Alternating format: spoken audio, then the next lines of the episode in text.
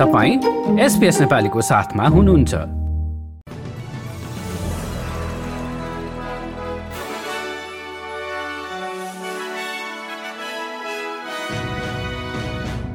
नमस्कार। आज मङ्गलबार चौबिस अक्टोबर सन् दुई हजार तेइस। अब पालो भएको छ एसपिएस नेपालीमा आजका प्रमुख अस्ट्रेलियन समाचार छोटकरीमा सुन्ने। समाचारको सुरु गरौँ। प्रधानमन्त्रीको अमेरिका भ्रमण सम्बन्धी प्रसङ्गबाट। अमेरिकाको भ्रमणमा रहेका प्रधानमन्त्री एन्थोनी आल्बानिजीले अमेरिकी राष्ट्रपति जो बाइडेनसँगको भेटमा अकस सम्झौतालाई अगाडि बढाउन सक्दो प्रयास गर्नका लागि आग्रह गरेका छन्।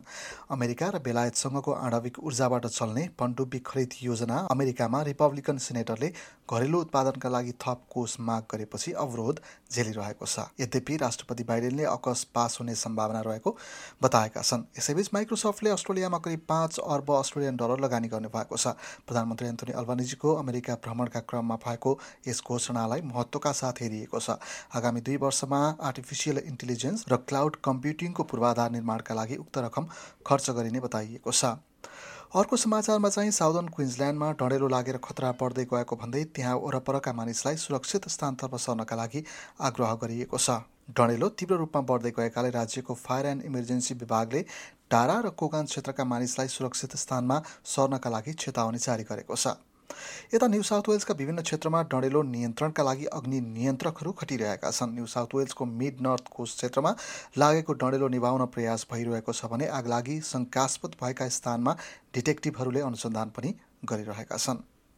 यता इजरायल हमास द्वन्द्वमा भने हमासले बन्धक मुक्त बनाएका दुई महिलालाई इजरायली सेनाको संरक्षणमा राखिएको छ भने उनीहरूको अहिले अस्पतालमा उपचार भइरहेको छ। हमासले ती दुई वृद्ध महिलाको रिहाइका बारेमा सोमबार बताए पनि बेन्जामिन नेतानियुको कार्यालयले बन्धक मुक्त भएका महिलाको पछिल्लो स्थितिका बारेमा जानकारी गराएको हो।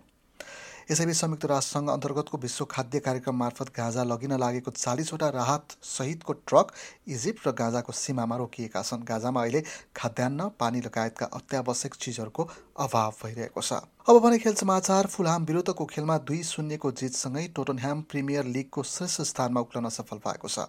सोन हुङ मिन र जेम्स म्याडिनसले गरेको गोलको मद्दतले तीन पोइन्ट बनाउन सफल भएसँगै टोली शीर्ष स्थानमा उक्लन सफल भएको हो। हस् त यसका साथै आजको एसपिएस संक्षिप्त समाचार यति नै। सुरक्षित रहनुहोस्। नमस्कार।